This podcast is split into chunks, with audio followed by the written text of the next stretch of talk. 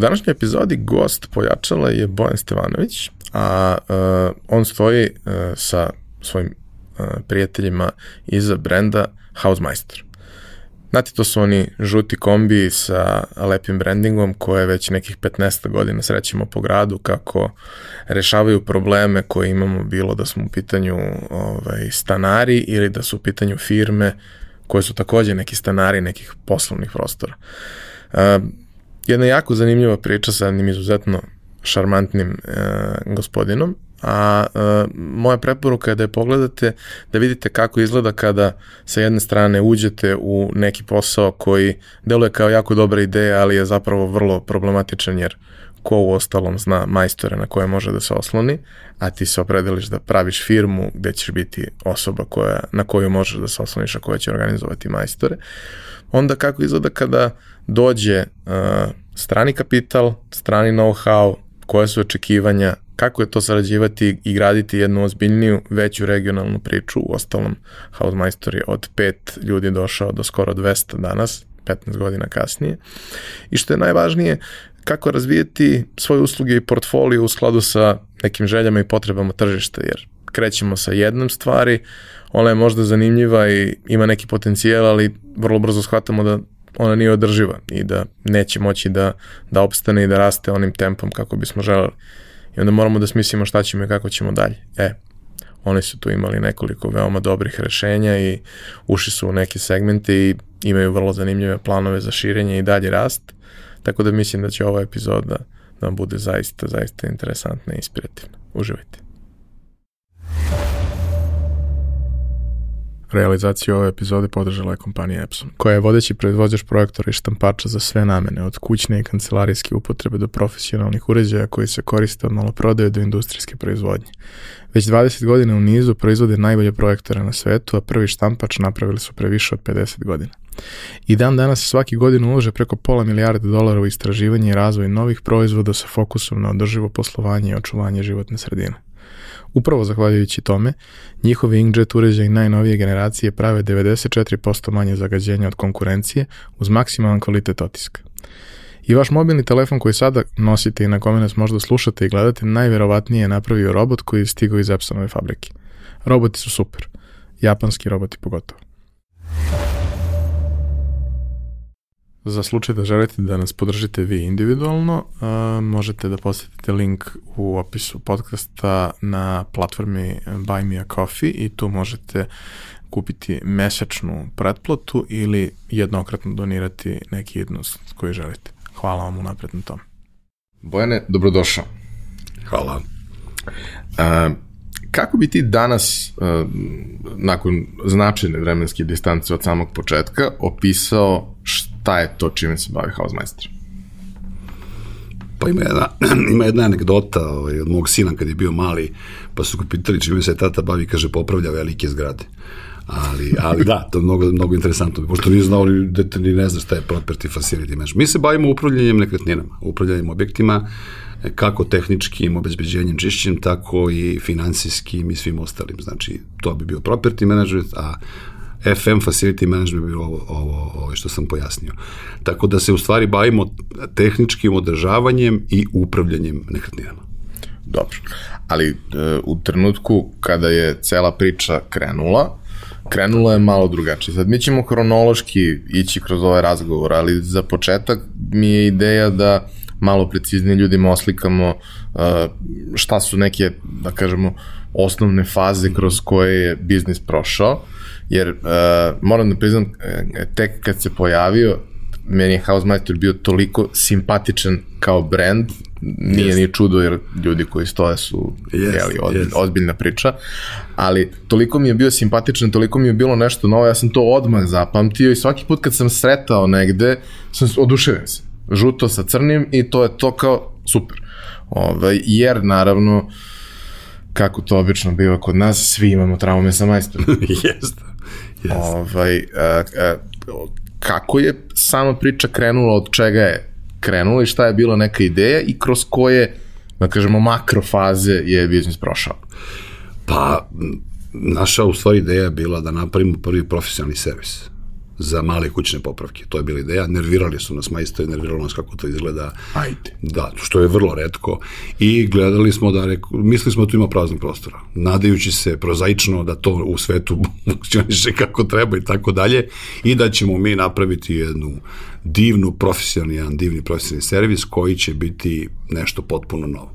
Ideja sa imenom je naravno stara, ali ima, i tu ima anegdota, namerno smo stavili Z na nemačkom, tako da su nas ljudi zaustavili na ulicu i govorili nije HZ, nego HS majstor i onda je to već bio znak da smo prošli, što ono kaže. A, I to je bila ideja da napravimo profesionalni servis, da to bude vojna organizacija, da mi tu imamo call centar, radne naloge i tako da i tako, ne znajući uopšte u što ulazimo. Mi smo, znači, mislili da ćemo mi to da napravimo iz nekog bivšeg života, iz iskustva i znanja koje smo imali i da će, to je samo naše pitanje da nađemo majstore koji će da budu ovaj, odlični i to je to. Naravno da to nije malo... Samo da se reši ovaj problem gravitacije i sve bude bukvalno, super. Bukvalno ploča ravna i to. Tako da, ali kad smo to krenuli da radimo, tek smo onda videli u što smo ušli. Znači sve smo napravili u tom smislu i onda smo prvo krenuli s majstorima da vidimo kako izgleda da ih intervjušemo, što nije bilo uopšte šanse, njih niti je zanimalo da rade u toj nekoj firmi novo osnovali, oni imaju za sebe, niste mogli da ih ukalupite, mi smo imali neki stav da je svako iskustvo negativno, zato što u ovom poslu koji treba da počne čisto nešto da se radi. Tako da smo prvu generaciju klinaca a, tražili samo momke koji bi volili da postanu house majstori i znam da je bio prvi konkurs, imam vozačku i znam da vozim, bez obzira što imam, i tako da i tako u ruke sam, baš bukvalno tako je bilo, a, a, a ono, i izvolite dođite. I anegdota, pričali smo malo pre i onda smo, nismo znali da organizujemo, kako organizujemo taj o, intervju za te momke. I pojavi nam se neka šansa da neku klimu ugradimo u muzeju 25 ima i kod pokojnog Josipa Broza, jel? I mi ugradimo tu klimu i nama ljudi daju taj prostor, neki amfiteatra, tamo možemo da zovemo te ljude pa i da pravimo neke treningi i tako dalje. I ja sam tada otišao, ima ta anegdota, otišao da, da se upišem u onu knjigu u žalosti. Josip u brozu kaže, ajde pomozi, ti si bio bravar, ti, ti znaš kako ovo treba da se radi, otvaramo ti na grobnom mestu firmu. Naravno da su svi klinci otišli na bazen 25 ima pojma, niko nije imao da je muzej. Mi smo napisali muzej 25 ima ima kakvi, onda zovu s onog bazena. Što na bazenu ima muzej? Kaže, da, da, da, da, da, da, da, kao, kao vi, evo nas ovdje ima samo hlor, da je ovo ostalo. I onda je krenulo, onda smo krenuli njih da obučavamo. I to je, ali to sve košta. To sve ćemo i sad da obučimo, pa će oni da... I sećam se isto da je bila utopija da mogu da urade recimo pet intervencija dnevno. To nam je bilo nešto modul 5, 5, 5 ja sedem u kola, aj koji da proverimo mi naše lupetanja, ne mogu, ne možda doći do Novog Beograda jednom, a ne pet puta, jako je nezgodno bilo. I onda smo se teritorijalno organizovali, gledali da, gledali da, da to bude kao neka prva, ajde, to je bila ideja da bude neka prva privatna komunalna neka priča vezano za popravke. Tako da taj deo početka bio potpuno nestvaran, sa svim tim procedurama, sa tim ljudima mladim koji punim energije, koji pojma nemaju ništa. Gro njih je, uh, to je bi bilo prvo radno mesto. Znači, uopšte nisu, znači to su momci bili odmeđu od 20 do 25 godina i njih smo, da imaju vozačku dozvolu, da to bar preskočimo i da ih mi, ali smo radili na tom customer servisu, znači bilo je važno, ne smeš da zakasniš, ne smeš da dođeš mnogo rano, ili isto nerviraš ovog tamo što je kući, moraš da se odjaviš na call centru, moraš da daš klijenta da ga mi čujemo telefonom, itd. itd. da vidimo da li to sve kako treba. Naravno da smo neki ljude počeli da smaramo s time, šta sad ima se ja javljam tamo u redu je ni u redu, međutim, mic po mic, počeli su da nas zovu, svi živi od ambasadora do, ne znam, poznatih sportista i tako da priča sad iz marketičkog ugla, naravno.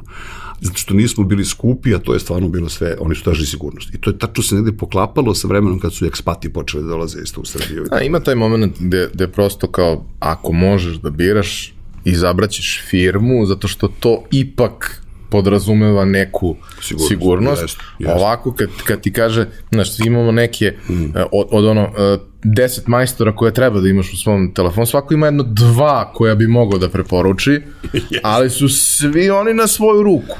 Tako I sad kao, ok, u nekom trenutku ti kažeš, dobro, te ovaj radi za keš, ali je odličan majstor, Da, platit ćemo ga, platit ću ga ja kešom, bez obzira što je popravka za da. firmu, jer mi treba da se to reši, ja ne mogu da čekam i tako dalje, ali kao, znaš, koliko bi sve to jednostavnije i lakše bilo da je institucionalizovan u, u tom nekom normalnom smislu, kao, brate, izdaš fakturu, ja ti platim, proizdaš pred, predračun, ja ti platim u napred, ti završiš šta treba i to je to. Malo pre smo pričali o tome, u, u, to vreme recimo u Americi, ako niste pod nekim osiguranjem zgrade ili nečeg, po 18 dana čekate vodoinstalatera. Toga nema, to je realno nema i to je malo i zaboravljena struka, je to, mislim, majstor, to je pričao sam što sad da ga ponovimo, da se nasmejemo ovde kad pričamo, kad dolazi, ovaj, majstor dolazi kod hirurga kući, popravimo nešto i za pola sata ovaj, kaže 200 evra. A ovaj kaže, kako 200 evra, ja kao hirurg nisam te pare mogu da imam u životu. Kaže, pa nisam ni ja mogu, kad sam bio hirurg. E, tako da idemo polako u majstor, bit ćemo svi ili IT ili majstori, on nema trećeg zanimanja. Tako da kad, je, kad su, kad, kad je, tako je, znači davalo je neku vrstu sigurnosti, mi smo davali račun, imali ste reklamaciju, imali ste sve, vidljivo, jako vidljivo, dobro brendirano, stvarno smo jako to napravili kako treba, tako da je to cela ta priča bila, prvi put smo mi izbacili taj, tu priču Hausmeister. Interesantna priča je posle smo skopirali ono što kažu funky business kad si uspeo kad drugi tetoviraju tvoje ime. Znam da recimo da Crnogorac i Makedonac neki su nas potpuno skinuli, ali ne u smislu ideja što je legalno, nego potpuno website, sve. A mi smo tada, nismo imali kintu i onda smo ipak uh, zaštitili žigove, misleći da ćemo da uspemo. I to je recimo dobra anegdota. I onda posle kad su ovi to iskopirali, onda smo hteli da napravimo mošu da, da i kao zonimo da rade s nama kao nešto. Međutim, kakav Balkan crni. Makedonac mi je donao vino, pričao sam to pre neki dan, sa etiketom bukvalno mojom, moje firme, znači piše samo Hausmeisterot na makedonskom. I kaže, evo, bratke, izvini, ja sam tamo, tamo mogu da radim, da pošto smo mi poslali pisma te neke opomene on je radio nešto drugo, oni su već počeli, imali su pre ovaj zakon o upravljanju mm. ovih upravnih, profesionalni upravnik. Tako da je, eto, to je bila isto anegdota, to je bilo, i onda su svi počeli, House, House, to je stari naziv, naravno, koji je sada već asocira. E, to je ta faza kad smo se bavili bukvalno proizvodnjom majstora, kako da napravimo i da ih organizujemo i da, da zaista budu malo drugačiji, što se ono kaže. A kad je, ono, step up? E, Kad je step up, kad su već počeli da nas zovu a, razno razni bankar, direktori banaka kući, pa su počeli da nas zovu vrhunski sporasti, pa ovi pa oni, a to su sve bili predstavnici nekih firmi koji imaju velike poslovne objekte. Tad shopping wallovi nisu ni počeli, mislim možda da nije niko bio. I onda smo počeli na sastanke da li bi mi mogli da radimo održavanje poslovnih objekata i tako dalje. I prvi naš ugovor je bio s jednom bankom. To je isto dobra anegdota mi pojma nismo imali kako se država banka koja recimo ima 50 filijala. Ko da stigne, a mi imamo ne znam tad 10 ljudi nekih. Ništa nismo razumeli, šta je preventivno održavanje i da obilazimo to posle, a oni isto. Znači, to isto sve po, pojma nisu imali sreća naša. Onda su oni uzimali neke tendere iz nekih tamo svojih uh, zemalja, na primjer, mislim da je bio iz Češke, ima jedno pet tona onaj tender i onda smo mi taj tender, tender mi više smo naučili iz pitanja nego, ne, nego što smo znali šta da im damo. I onda smo otišli na taj prvi, zvali, oj, ne znam koga smo se da, otišli na taj prvi tender i dobili državnu banku. I to je onda bilo, mi smo i toliko ponosni mi održavamo tehničko održavanje banke, to je znači sad već jedan level drugačiji i, od, i obilazimo Srbiju i tako dalje i tako dalje i te filijale i drugačije tamo ponašanje i plaćaju što bi rekli ste plaćaju na vreme, banka plaća na vreme, ne znajući da banke vole da jako nisku cenu za, za, za sve što im treba kao i svi ostali ovi korporativci. Tako da tad je to je bio skok kada smo počeli već tad u toj fazi smo već počeli da razmišljamo da nam treba inženjer neki. Mi smo imali majstori, imali smo to sve da, da uđemo u neku priču i sećam se da je došao, ali ko će da vam dođe kad vi počinjete? Kako to sad sve lepo zvuči, šta sad firma tek počeo da radi, što bi ako inženjer neki diplomirani došao kod nje. I sećam se ovaj, ovog kolege Mirka Čomagića, koji je došao da prespoji pre neki razan priču, došao da pre, on dečko radio kao građevinski inženjer, naravno s licencom u Kataru za energoprojekt. I on dolazi i pita ortaka koji se muvo tu s nama, posle mi malo Alan Fordovska priča, kaže, vidi Bokiju, tamo je ima treba inženjera, će kaže, šta je, bre, kakav haos, kak je zgrade, pa, pa, ništa. I sećam se da me pitao, kaže, izvini da te pitam, koliko ti možeš dugo da mi garantuješ platu? Ja kažem, mogu jednu godinu dana ako ti odgovara. Da, evo ga 17 godina. Znači, bukvalno, ali bukvalno. I tako da je to bilo potpuno, a onda dobijete tu vrstu odgovornosti za drugog tako neke ljude sad vi nešto kao vi morate da, da, da naplatite, da napravite, pusti, vaša ideja divna je, sve to, ti sve to znaš. I onda je to malo drugačije. Ali to, eto, to je. U kom trenutku ulazi Rastler u priču? Pa, mislim, posle tri i po godine, četiri godine skoro. Već, već smo mi već to, e, sad šta je tu interesantno? Još smo mi bili ovaj, tanki, mi smo zarađivali, već smo bili na break-evenu, nije to već bilo problematično sa, da vidimo gde bi mogli da rastemo.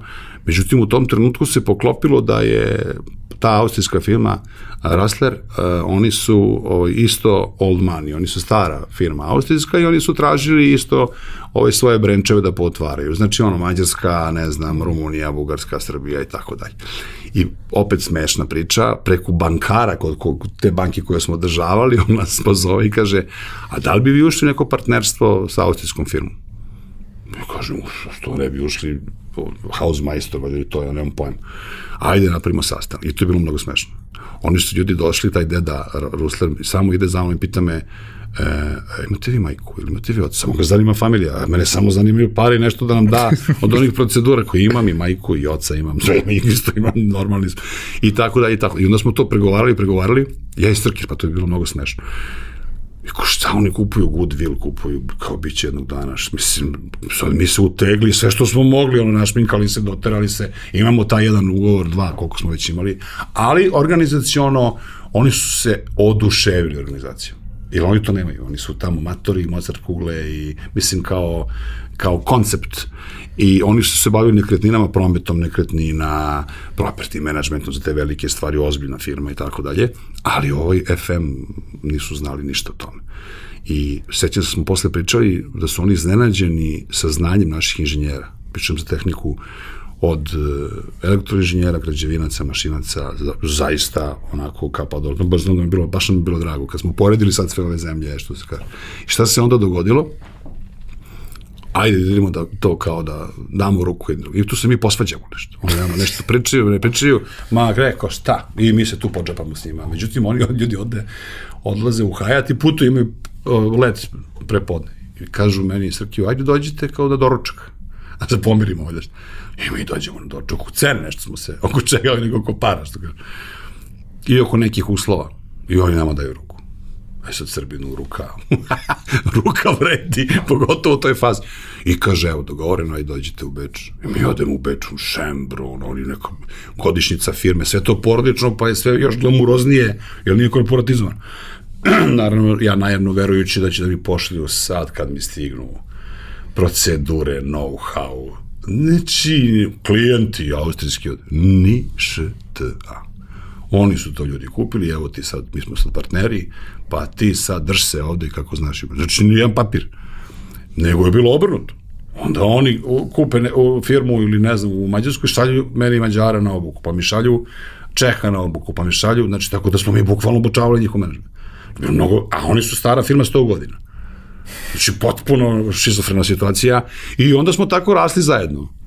U tom smislu. I onda, e, onda smo dodavali i ostale servise, što je normalno, malo smo, onda oni imaju to, ne znam, promet nekretnina, pa malo malo ono, pa smo ušli u renoviranja, znači u, da radimo te fit-out, rekonstrukcije. Onda smo dobili još neke proizvode koji su drugačiji, pa smo postali predstavnici i zastupnici za neke brendove, Villeri Boh, ne znam, ovo, znači mm. smo imali tu operativu, pa smo bili idealni za te ljude, nismo čak ni urili to ništa, nego imate servis, imate logistiku, izvolite.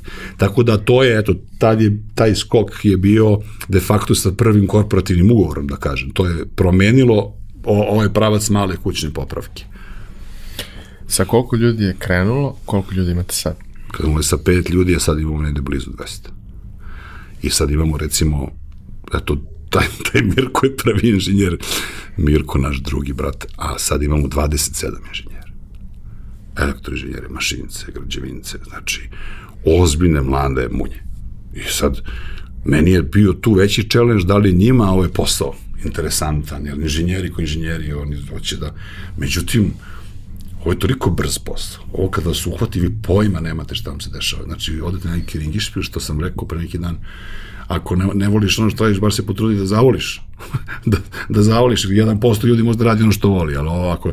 Tako da je odlična hemija u firmi i oni su mladi i e, desila se firmu među vremenu, tako da im je drago što rade tu. Hoću da kažem, više nije to ta priča. Mada ljudi i dalje nas anticipiraju samo za kao ovaj popravlje, popravke u kući, tako dalje. Pa Običan narod. Znaš šta, za fizička lica vi jeste i dalje rešenje je, njihovog da, problema. Da, da ali taj moment kad on kao, kao fizičko lice ili neko ko je mm, profesionalno uspešan, ali je i dalje i fizičko lice u slobodno vreme. Da, da. on kad vidi i zadovoljan je, mm, ajde da vidimo šta bismo mogli. Jer prosto ljudi žele da imaju u svom okruženju yes.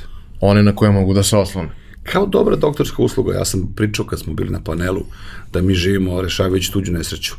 To je jako težak posao, ali ta vrsta uh, emocije posle dobro urađeno, posle ste nekom rešili problem kao lekar, to posle stvarno ostane. Znači, nije, nije entertainment, pa lepo ti je, ali ima i na drugim mestima da je lepo. Tako da je teško, ali kad, kad zaključate tu priču, to bude polimerna veza, zaista to je onda dosta traje. Tako da smo mi gro ugovora dobili bukvalno kroz tu priču. Bukvalno. Na, na, na preporuku, kao što u ostalom i jest. ono, dobri majstori sa jest, kojima radiš. Jest. U principu, ne može to možda da eksplodira u roku od par meseci, ali na nivou od par godina na preporuku mogu da izgrade tvoju priču. Tako je. A, e sad, pomenuo si u nekoliko a, navrata Srkija, ne znam koliko ljudi znaju, pa bih voleo da, da pojasnimo. Srkije Srđan Janićijević. Srkija Srđan Janićijević, moj drug preko 50 godina. Znači, mi smo išli zajedno u osnovnu školu, u vojsku, ne znam više da nismo išli zajedno. I celo to društvo moje, mislim, to je interesantno možda, pošto vidim da, da dosta ljudi nam to kaže svaka čast mi nismo mladi momci, ali svake nedelje u pola 12 se skupljamo svi zajedno. I dosta uspešnih ima. Svi zajedno se skupljamo u jednom kafiću tu u Čali Čaplina i tu u Bistrimu. I tu vam ne vredi ništa. Možda date go Real Madridu, ti si dao go. Znači, to je kao onaj sarajevski humor. to, to, znači, kao da ste i dalje u osnovu. Da, da, da, to, da, bukvalno kao da smo zajedno. E, i e, Ja sam tad radio u investicionom fondu, a Srđan se vratio iz Filip Moris. Srkin Ičijević, mislim, ajde da ga predstavimo, mada mislim da, da je ovaj, jedan genije kreativni koji je radio za Filip Moris godinama i onda je bio direktor Filip Morisa, predstavnik Filip Morisa u Rusiji. I vratio se iz Rusije na mesto generalnog direktora Coca-Cola. I onda posle jednog godinu dana tu umorio se, smorio se Savi i kaže, on me zvao, vidi, kaže, ja ne mogu, ja kao ekspat da me sad šalje opet negde da idem dalje van Srbije, kaže, ja hoću da otvorim firmu, hoću da upadaš unutra. Kakvu firmu da otvorimo, šta da otvorimo? Common sense, zdrav razum i da izbacujemo male biznise. Ja sam imao neko ovaj, drugo iskustvo, ja sam radio u državnoj firmi i vodio sam nekom preduzetniku, znači ja, ja sam u toj priči bio neki uličar, on je bio korporativac. I ja kažem, ajde dogovorim i mi sednemo i ovaj, dogovorimo se i napravimo firmu. Bilo je nas pet u toj firmi, imali smo sve kako mali perica zamišlja, IT-erca, imali smo pravnika, sve drugari naravno, imali smo a, sociologa, se moram ne psihijatra. Ne znaš, da li, ne znaš da li je dobra firma ili dobar vic. Da, da, da, da, da, da, da, lomi se. Da, da, da, tu se lomi. I, ovaj, I onda smo otvorili to i krenuli da izbacujemo projekte. Prva ideja, prvi projekat je bio Hausmeister. Onda smo imali Asistel, imali smo Biorobos i tako dalje. E, onda u tom međuvremenu ja odlučim, rekao, ajde, ja ću da vodim Hausmeister. I sad ja krenem da vodim Hausmeister, srđan među to dobije ponudu koja se ne odbija, ali ne znam da li je tad pogrešio ili nije dan danas, da bude generalni direktor politike. I sad on odlazi čovjek u politiku, misli, to je toko klizavo, ovo znaš Coca-Cola, Filip, odlaziš tamo u brljotinu, a meni ostane livada sa svim ovim tri ova projekta, imali smo tamo drugare koji su to krenuli da vode, onda e, Hausmeister, znači potpuno ludilo. On ne zna da udara, mi ne znamo da udaramo ovamo. Tako da sam ja onda krenuo to i pričao sam to stalno sa tri mobilna, znači nisam znao stalno da reparkiram. Znači parkiram kola, mislim su mi ukrali kola i onda se vraćamo nazad kad sam ustao, znači šta sam uradio, pojma nemam. A uopšte to nije korisna rad, to je bukvalno samo nešto okrećeš, ovaj papir valja, ovo bi trebalo, ne bi trebalo. Znači to dok postavljate, to je najteže principu naj, naj, najviše gubljenje vremena. Znači, nisi optimizovan. Ja, moraš da probaš milion stvari probaš da vidiš šta milion, radi, a sve ti je frka i sve ti je hitno. I... Sad ili nikad, tako je. I curiti vreme, lova i tako dalje. Tako da to je, eto, to je bilo. I onda je, ovaj, e, Srki posle izašao, Srki da, onda smo mi ostali partneri u Budi, u okrugojskoj školi, onda je on krenuo da otvaramo okrugojsku školu i to je već istorija, to sad već znate, menadžmente i tako dalje. Ali ovo je bilo, ima jedan gdje moram da je pomenem, pominjao sam je isto kad smo otišli, ajde se smemo malo, nas dvojica, odemo da obilazimo serviser. Ja sam išao upadao i nova godina, znači dođem pre intervencije, pogledam kad su intervencije, pa te sačekam i kakav si, da si musa, da si. Pa sad čekam te posle da vidim, pa gledam, pa vozim iza njih da vidim kako se ponašaju u vožnji, da nije nešto tamo da dobacuju. I sad odemo jednom ovaj, na intervenciju, večer sam prekidan u braće Jerkovića. Neki čovjek nešto treba mu se, a mlad čovjek sumnjivog biznisa. I nas dvojica i sad dva ova čoveka što znaju, mi nemamo pajma ništa, ali ova dva, dva servisera. I sad naš četvorica, mi banemo njima pred intervenciju, ulazimo čoveka u stan, čovjek otvara vrata, četvoro ludaka mi ulazi, nešto treba mu se izbuši da mu se nešto popravi i između ostalog da mu se namesti muzika nešto mu na to. I uzmemo ja i sređen kao da mu nameštamo tu muziku. I drži, i ne daj. I nekako mu namestimo onu muziku i oznojili se, ono, ovo dvojica momaka rade što treba kole ove dvojica. Izađemo napolje i sad je nastavak, ovi su nešto još trebali završiti, dolaze sutra ponovo kod tog čoveka, a on kaže, a ko su ona dvojica? A ovi kažu, pa to su naše kolege. Mi kao, nemoj da kažete kakvi vlasnici i ovo, direktori. Kaže, koje bre kolegi, ona ima sat od 10.000 evra na ruci. a Srđan ima sat iz Philip Morrisa, valjda, ne znam. A ovaj se bavi satovima. Ovaj prodaje satove, profesionalno se bavi sajđija, profesionalni, kaže, kaže kolege, kaže, ona ima sat od 10.000 da popravlja muziku. Znači, potpuno ludilo, na, eto, na primjer. na primjer, anegdota. E, dobro. A, ono što uvijek pitam ljude na početku, a sad baš neću na početku, jer smo napravili jedan uvod da, da oslikamo šta je, šta je Hausmeister bio i danas, šta je, ovaj, a šta je tvoja priča? Šta si ti teo da budeš kad porastiš? Mm, kad porastim, bit ću kengur, kako kažem. Ovaj, pa vidi, ja sam igrao basket. I ja sam se palio to, da, znači da budem neki košarkaš, pričam se kao, baš kao klinac. A, a posle, zbog neke karijere, neki očev prijatelj dobar je radio u Africi. I on je imao nekako zove kino projektor, nešto zove, zzz, i onda se sećam da smo i gledali, da gledali neki film, da je to neka zelena trava, da je već čovjek ima kuću, bazene, kaže, šta radi ovaj čovjek, kaže, pa on kaže, projektuje vodoprivredne kanale i ne znam tamo vamo, a gde se to uči na poljoprivrednom fakultetu? Kako se to zove vodoprivredne melioracije? Nisam znao da izgovorim, rekao, dobro. I ja sam išao u osnovnu školu u Dorčilu, pa išao u petu gimnaziju, pa išao u arhitektonsku školu i onda posle upisao poljoprivredni fakultet. Tako da je vrlo vezano za Hausmeister ovaj, i smisalno sam završio od privredne melioracije. To je tad bilo stipendije, to je javni to je sad tek to. Ne znajući da to nema veze sa životom u Srbiji zemlji, da je poljoprivreda tek sad dobija neki 3D. Ali sam ceo život bio preduzetnik, zaposlio sam se posle recimo bio u PKB-u i Ovaj, tamo sam već otvorio svoju prvu firmu. Zvala se Bost Bojan Stevanović. Vrlo kreativno. to su bile one firme s onim pečatima velikim prvim. Mm. Sa, sa milion onih papira šta se možda radiš. Ostaklo rest sada do prodaje gume. Pa sam onda, ne znam, neki humus tamo se igrao, pa sam izbacio, pričao sam to isto ovaj, od kalifornijske gliste i onda je to išlo po, po ovim cvećarama. imao sam taj neki duh i svaki godina sam recimo kuklinac radio preko zadruge, znači to je, nikad nisam uzao lovu od Keve Ćaleta za, za more.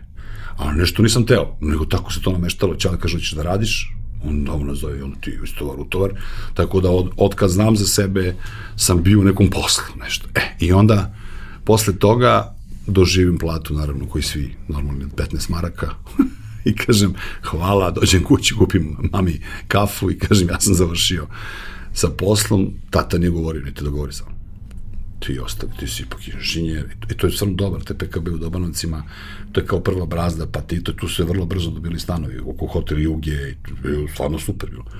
Znači, te 4-5 godina čekaš i dobiješ stan. A ovde, ali dođeš do 15 maraka, jel, kako je država. I odem da radim u privatnoj firmi koja se zvala, možda ste čuli isto, bila odlična firma tada, Beocolor uh mhm. -huh. e, i Ultramix. Da vodim tamo tu priču kao tehnički direktor. Ona se bavila proizvodnjom boja lakova to je bila prva privatna proizvodnja boja lakova, posle blokade Srbije, Slovenije, Rada Lambada i ona priča Admiral Đelaković i tako dalje, mi smo pravili tu disperzije, ne znam, lakove za parke, ali ozbiljna proizvodnja, a onda smo ubacili, da to je bio Ultramix, pošto su ti mešači relativno slični, puževi i tako dalje, ubacili da pravimo istočnu hranu. Tako da dođete kod nas, kupite, znači, kupite valjak i ono, da krećite, ali malo iza prasence može da se ponese kući. Tako da, i ta hrana je krenula nenormalno da ide. Jer mi nismo, nismo možete ukapirali, nismo možete ukapirali, u centru grada, znači, da je bara Venecija, da su ona dva velika da. plava silosa, tu smo bili ni mi još te nismo razumeli da smo mi napravili najbolju reformu na svetu za Tobleronu za, za, za, za životinje, zato što je ulaz bio mnogo smešna cena neka. Ne znam, riblje brašno, to je bila ona inflacije i mi, mislim, imali smo tehnologiju, stavi bre, dodaj još tri jaja i staviš da jaje džabe. Znači, i napravimo, znači ja se sećam isto anegdote kad došao čovjek da kaže nešto nije u redu, fali vam neki mineral, krive se noge pilotu. A u stvari pile, pile poraslo, da. I ovi rekli, ste vi normalni, znači jedi. Tako da to je bilo mnogo smešno. Znači vodio sam, to je tu bilo ogroman broj ljudi. To je bukvalno od kanapa veži džak, pa do uzmi čep, nađite mi čepove ne može da otvorimo nema da se kupe čepovi, firnes i sve ostalo. Znači, cela moguća proizvodnja, ludo vreme, e, ono, 90. i tako dalje. E, posle toga, nisam teo ništa da radim godinu dana. Reku, neću da radim. Dobio dete, Dragana me gleda, Dragana Pravljica, kaže, kako bolje za kamen da sam sudal nego za tebe. Rekao, ne, neću sad da radim ništa. Što? No, tako, umorio sam se, stvarno. I ja uzmem tu, međutim, posle te četiri mesta, naravno, već krećeš, ti nisam ja tu imao ni novca, ali izađe konkurs u politici, sada izgledali konkursi. Ovo smo pričali o CV-u. Konkurs za investicijni fond prvi TBI se pojavio i za neku nemačku ozbiljnu firmu koja proizvodi premikse, to su ovi minerali koji se stavljaju za životinje i tako dalje. I sad ja ovo tim na kucaću mašini, to ono crveno-crno imala žena, mm. jedan dumba, dumba, dumba, pismo, pošaljem ovamo, pošaljem ovamo. je me zovu na razgovor. Sad ovde, ovde idem prvi put na razgovor, Rekao, šta ću, šta ću sad da pričam ovde? Krugovi, psiholozi, ovo sve što sad deca, gde se vidiš za 5 godina, za 16 dana i tako dalje, prođem sve to i oni ljudi uđe u najduži krug, išao sam u 3-4, da postanem direktor te nemačke firme. Međutim, ću ti u Novi Sad, sad me to nervira. I, a ovi me zovnu, među vremenu me zovnu ovi iz fonda. Dođite, šta je ovo nešto novo, potpuno, penzijuni fond, dobro, vidim ja dolazi ta tranzicijona metla, sve se menja ovaj, u knez Mihajlo kad stari. Pa, mislim, stvarno, gde ćemo nego tu, jel? I u knezu Denuz. I odem tamo u fond. I posle toga me Srki zavne. I, pa ima tu mnogo anegdota, ima anegdota, pričao sam i ja kad sam išao na prvi razgovor kod privatnika ovog vlasnika, Zokija. On čovjek iskusan kao sad mi u privatnom poslu, pa kad dođe neko dete, ali ja sad i deca znaju.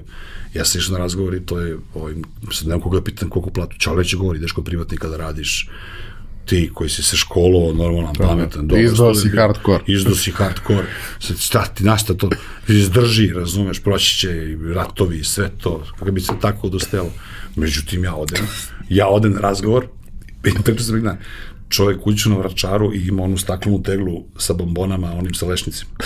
I druže, znači, to bilo milion evra meni, znaš, ovo sad imaš svako šta da rekao, ja manđem one bombone, a on me pita kao intervjuš, ja sam rekao da, i sad on kaže, pa koliko bi tebi plate? Pa kažem, pa ne znam, preko, da razmislim, pa da, ajde, kaže, pa da se čujemo sutra vađu. Stavio mu džip, ja obišao, vidio džip prvi put u životu, znači, prvi pađar u grad, fabrika, viljuškari, kamioni, rekao, šta ovaj čovjek, znači, ja sam znao da možda imaš pizzeriju, i ja dođem kući, nemam koga da pitam za plate, znači, nemam šanse Koga pitam ove moje, ja se niko ne zna ništa. Ne znam ni taksistu nekog da pitam. Kaže jedan, ma kaži mu 100 maraka, ve, šta? A meni, a meni bila plata 15. Ma kaži mu 200. Viš, ja dođem tamo, on kaže zlaja. Priča sam ali mnogo dobra priča. Kaže, ovaj, i šta smo odlučili? On kusanta. Ja kažem, 300. Koliko? 300. Sam stao, ja stao ovako i on kaže, za početak. Ja kažem, za početak. Ja ko šta ovaj čovjek priča 300 maraka, znaš, rekao šta ću ja da radim čovječe. Prva plata, sad je tako došao baos duda, znao sam ja ovog poslu, znao sam svašta. Kreći gledam na fabriku, prva plata mi da 500 maraka. Da dođem kući, kažem šta je bilo. Razumiješ? Koliko košta Čale brod? kaže, nije sve u parama, ne da, ajde, tata, da se dobrovoljimo koliko košta brod. 500 maraka. I, i ja počeo računam jedno 800 plata u PKB, u dobro si zapalio, druže, znači da delim da množimo na daš. I tako. E, jedino što nisam znao da se radi 800 sati svaki dan, razumeš, da dođeš sa brašnjam i prašnjam, ali o, eto, to je to vreme. I onda posle, kažem ti, fond, i, o, i onda Srki kaže, ajde da ulazimo u privatno. Tako smo mi relativno kasno ušli u privatno, naše privatno. Taman. Možda i tamo, možda si u pravu. I onda smo ovaj, krenuli da se igramo s time i da, da i eto, stvarno, ovaj, sad kad pogledaš da mi bukvalno skoro milion kvadrata nekih održavamo. To je, znači, vrednost te imovine 2,5 milijarde. To nije zezanje s tim polisama osiguranja, sad da ne kažem da sada ti to protiv, da ne, po, po, protiv požarne liftove i čuda, znači jako odgovoran posao, ali to dobra energija i dobro to radi, ovaj, tako da ovaj, dolaze nam mladi, dolaze nam na na praksu. Ja sam išao na mašinski fakultet, pokušao sam tamo da napravim, pošto je ovo menadžment, ovo, ipak ta reč da napravimo, da, da, da ovi momci, a, mašinci budući dobiju tu vrstu zanimanja kao mm. master. Kao inženjerski menadžment. Da, da, da. Međutim, to je bilo jako sporo. Vidim sad, sad svuda, svuda imaš to, property management, zato što su nekretnine buknule, znaš, to je sada eksplodiralo. To je relativno novo, znaš, ta otrka, 70-ih iz Amerike. Krenulo to property facility, znaš, 50 godina.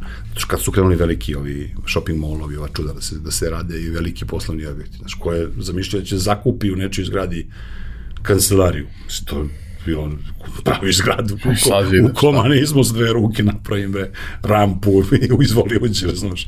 Tako da, eto, to je. Znaš. Ne, ali fascinantno je, znaš, kako se stvari menjaju i kako sad ono te neke velike firme koje su nekad bile ozbiljne, gradile nešto da, da. sve. Da.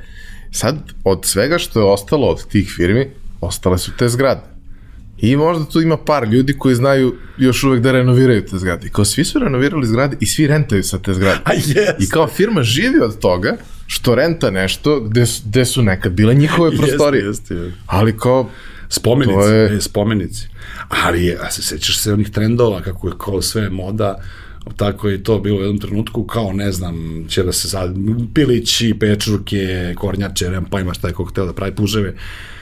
I niko nije hteo da uzme te stare fabrike, znaš, nego se prvi Bogoljub Karić pojavio da će da sad i salate po fabrikama, nego hoću svoje pusti Srbin, ja ću svoje, da kupim plac, tek sad, evo sad, potpuno je sad obrnuta priča, sad viš da renoviraju te industrijske objekte, prave dole bre, slikarske galerije, čuda. Pa znači, pa dobro, mislim, ali znaš, kad god kreneš malo da, mi smo imali prilike kroz par nekih snimanja, kao da, Aha. da prođemo kroz, kroz neke stare fabrike koje su ili su potpuno mhm. -huh. devastirane ili kao eto postoji ono 5% radi nečega negde, ali u principu ne radi ništa. I ti kad prođeš kroz to sada, ok, to je prašnjavo, ali to je, to je večno. To je moć. Znači, to, to je ozbiljno. Je... Vidi, ta, to mm, od nas je počelo, to stvarno je smešno. Znači, to su bile ozbiljne organizacije, to je bila ozbiljna privreda. Ta industrializacija ubila seljaka, mislim, nije htela da ga ubije, pa je on jednom mnogom brao, brao maline, na drugom radio fabrici, znaš, i onda kad je ovo puklo, sad, sad su opet u tranziciji, sad se vraćaju na zemlju, ali to je ozbiljna ekonomija bila. Što je ozbiljna I ozbiljna ekonomija, ali kao, znaš, ti, ti imaš, ne znam, fabriku, nebitno, da, da. motora, traktora, šta god, i kao, a, hoćete da vidite svečanu salu? I kao, šta će vam svečanu salu? Ne, ne, kao, imamo mi, i uđeš u svečanu salu i kao, prate, nema nijedan hotel u Beogradu takvu salu. Tako je, tako je, tako je. Tako je. Onda odeš, ne znam, u taj neki deo koji je prirodno takva, takvo postrojenje, to je bilo i, ne znam, kod roditelja kad sam išao u njihovu firmu u BIP kad, kad sam bio mali, mm -hmm. kao, ti ima ozbiljna menza. Ozbiljna menza ima ozbiljnu kuhinju. Da. Ti si kao, a što vi ne napravite ovde neku proizvodnju nečega, mislim, hrane, kao, brate, ovo vrlo malo ulaganje je da ga ti napraviš da bude po nekom sad hasapu nečemu, tako je, jer mislim, je. to je pravljeno po standardu taj jus po kome je pravljeno je ono bio baziran na nekom je. dinu, na nečemu, jest, mislim, jest. to Nemac je smislio pa mi iskopirali. Tako je. Znaš, kao nema tu sad, ok, ima da se radi, ali ne moraš da zidaš sve od nule, samo... Mislim, pomenuo si BIP. Znači, da li je moguće i to da uspemo, znaš, propastimo pivu u centru grada, znaš. Cena piva je jednako da, da, obrnuto proporcionalno prevozu. Mislim, ti sad imaš u centru glavnog grada pivaru i to. Ali je, ali je dok je radilo i drugo ljudi su bili emotivno tad vezani za te fabrike, za što je meni, to je meni recimo bilo važno u Hausmeisteru, da osjetiš neku vrstu poverenja i lojalnosti, ali da samo tako misle, da im bude krivo što im firma ne radi dobro ili radi dobro ili da im bude milo i tako da. Sećaš se roditelja isto mojih, to kad donese onaj rokovnik iz firme njegov, mm. rokovnik Burazeru, nemoj neko da je privezak za ključeve iz moje firme, razumeš?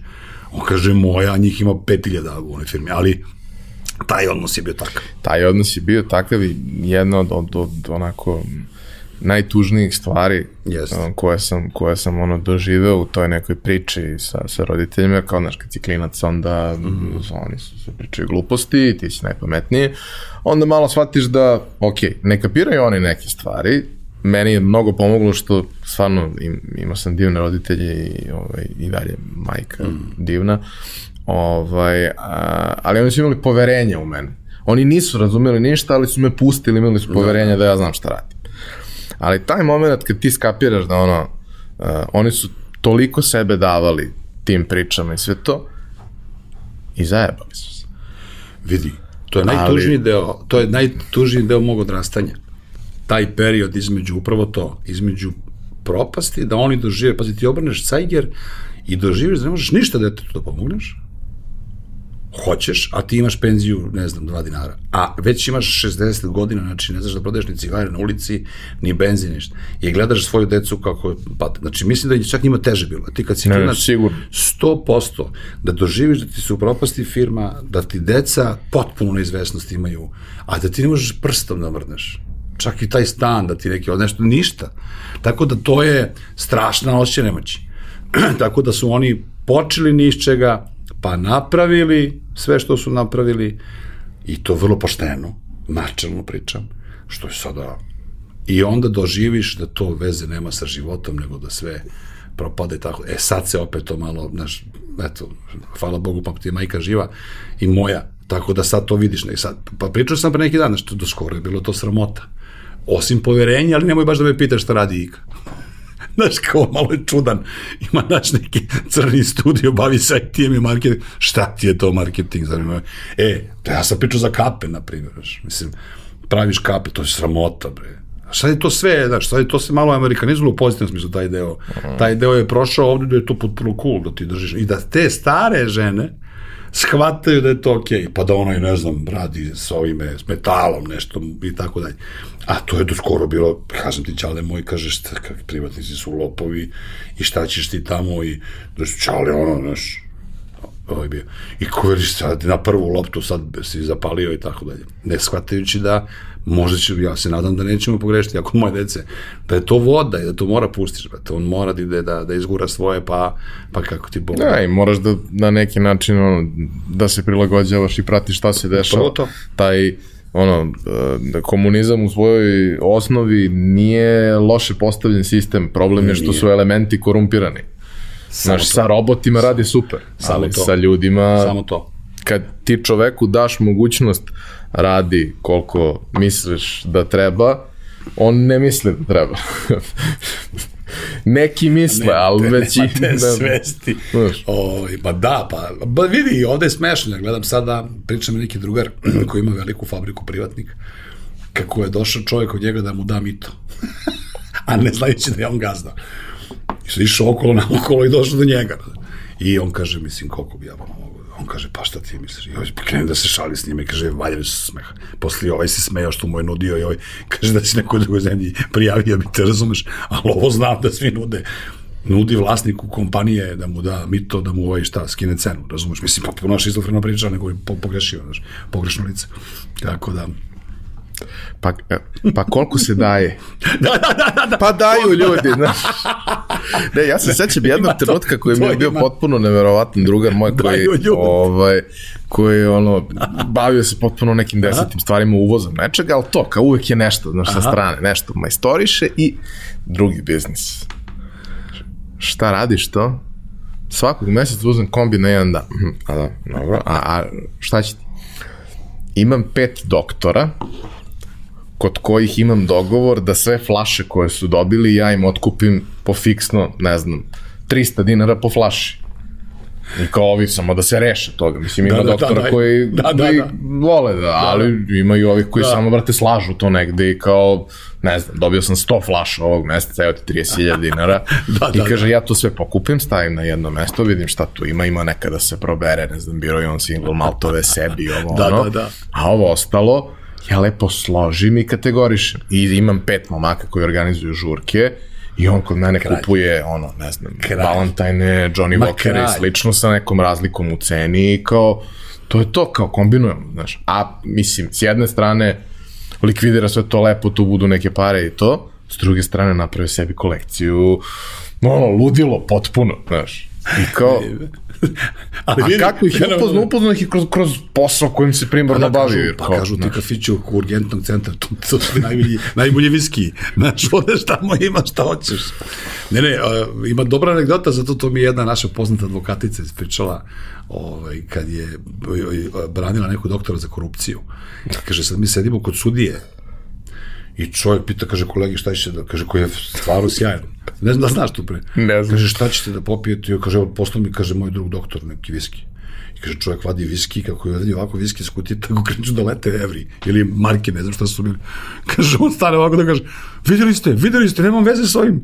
Znači, ovaj ni ne zna, ovaj da su mu stavili, a dao mu, razumeš? I sad, kaže, zove ovoga na speakerfon, ovog lekara. Vidi ovdje, on kaže, Gde mi je ta flaša, bre, daj mi tu flašu, nisam ni ja vidio. A ovaj da objasni, razumeš ljudima. Kaže, ja sam to, da branila je nekog lekara je da stavila je kao primjer da oni dosta puta i dobiju da pojma nemaju. Znači, to su im stavili. Da, kaže, vrati mi, kaže, videli ste, on nema veze. Tako da, stari sad nekad čurka sad, sad, sad lova, znaš, u, u kutiju. Ali to je, to je, to smo mi, znaš, ovako, onako. E, pošto si rekao da vam je ovaj, uh, firma u najmanju ruku neobična. Za da. početak da. bavite se čudnim stvarima da, i da, da, to se razvijalo vremenom. Ovaj, uh, ko su, no, uvek postoje ti neki ključni ljudi koji identifikuješ kroz vreme, život se živi unapred da se razume unazad, a sad pričamo unazad. Yes.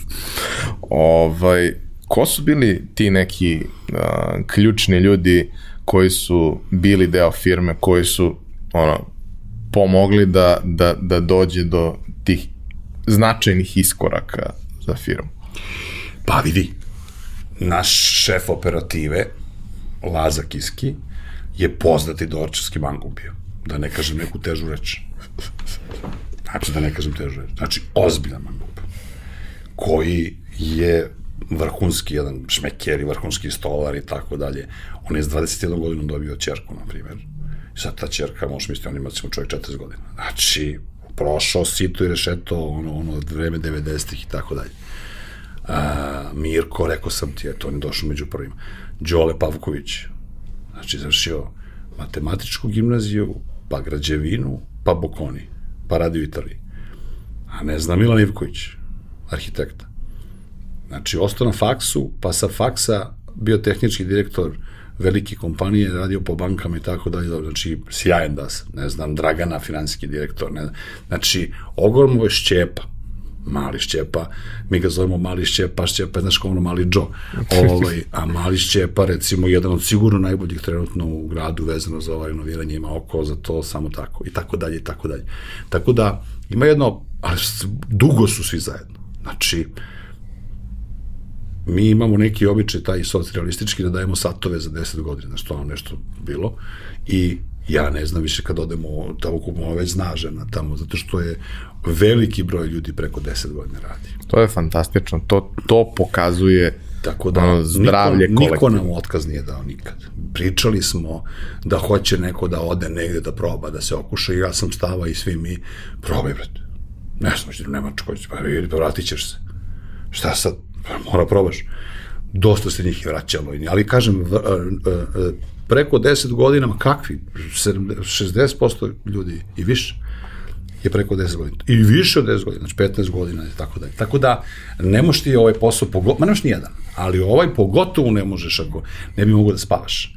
Znači, moraš da delegiraš. Znači, oni su isto menadžeri, ti imaš 30 ljudi da vodiš druže, pa da brineš njihovim platama, pa te ne nervira, pa da ih miriš, pa da stigneš, pa da organizuješ i tako, pa ovaj, pa ovaj, tako da, zato je to taj rep management ostao u nekoj, naš, ljudi koji ne znaju to, facility management, property, nije ni važno. Ali ti si, bre, predradnik, što bi rekli. Znači, imaš 20-30 ljudi, pa imaš ti inženjere pod sobom.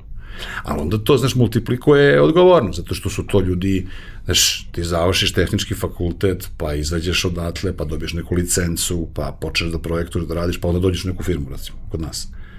I ti sad doćeš i da se razvijaš, tako da to ima sve, uh, uopšte nije, nije naivno organizovati, ali je neverovatna hemija. Zato pričam da smo neobični. I ko dođe kod nas okom vidi, da ne pričam do tebe, zato što vi kreativci ste stvarno nešto drugo i osveženje.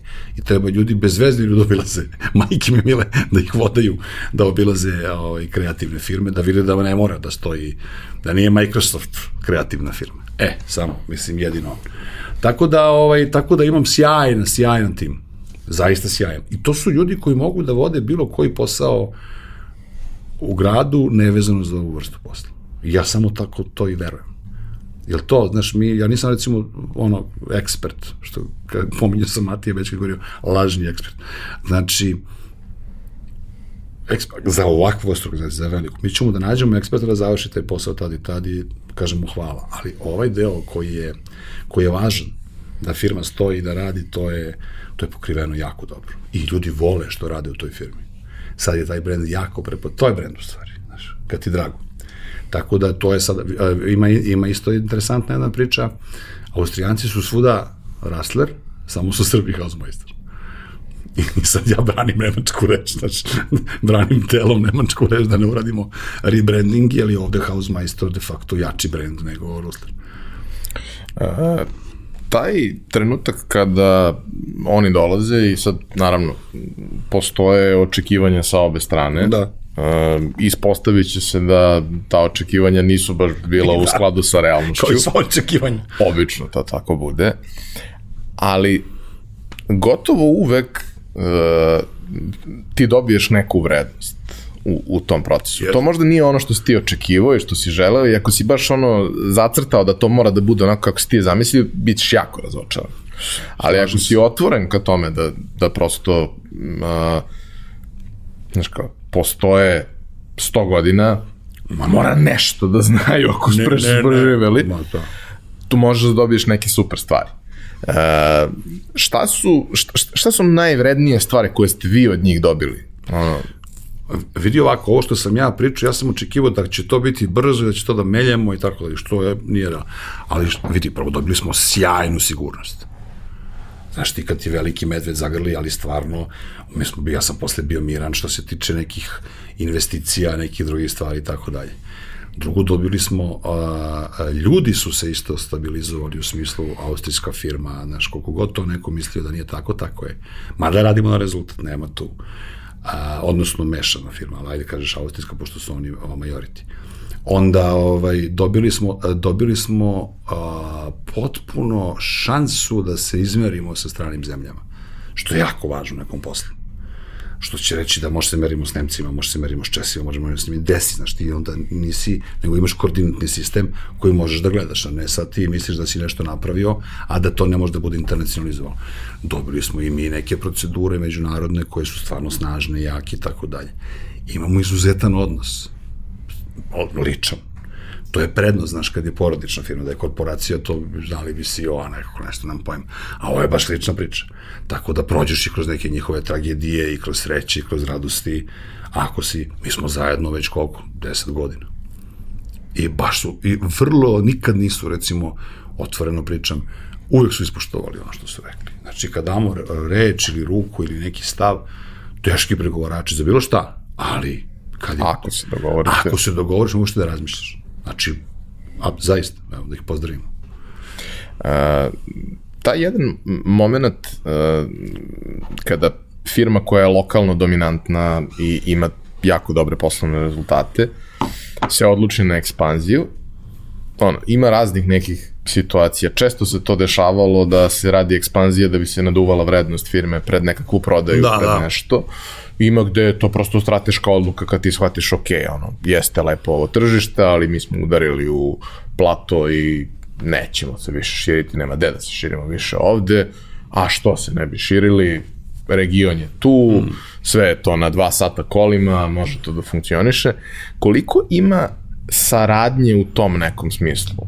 Uh, vi imate neki specifičan know-how koji oni možda nemaju interno, pa pozajmljujete jedni drugima ljude, ima. pozajmljujete, rešavate takve stvari. Za šta? Ima i sad su oni uh, počeli ozbiljno da se bave internationalom. Oni su to radili separatno. Brine o Srbiji, pa brine o Mađarskoj, ali nije to bilo uvezano, znaš. A sada je uvezano, tako da mi sad menjamo iskustva i sa ovim ostalim zemljama. Tako da što to je jako važno i sa različitim i, i menjamo i mešamo i klijente. Znaš, jer dosta internacionalnih klijenata radi tamo pa dođe ovde pa da li znaš nekog odavde i tako dalje. Tako da taj deo je jako važan. Znaš, a regionalno mi nismo ni stigli još da se raširimo. Ovaj posao ti možda preskočiš sigurno, mora se ti da nahpadneš, što kažu ovi, ovaj, neku teritoriju. Zato što ti ako dobiješ dobar ugovor u Zagrebu, razumeš, preko Austrijanaca, na primer, hipotetički, ti si već tamo Znači, može da se preskoči igra, ne moraš da, ne znam, sad da ti pripremaš teren, market research, da radiš analizu i tako dalje, i tako dalje. E, tako da taj deo još nismo dirali, znaš, ali imamo već na nekim tenderima koji su međunarodni, koji su iz Srbije. Znaš, koji recimo krene odavde pa ima čitav region. Zanima ga, već smo nad njima, baš smo sad na jednom tenderu za Agrokor, koji je svuda, na primjer, nemam pojma, pa onda oni traže firmu i onda smo na tom tenderu.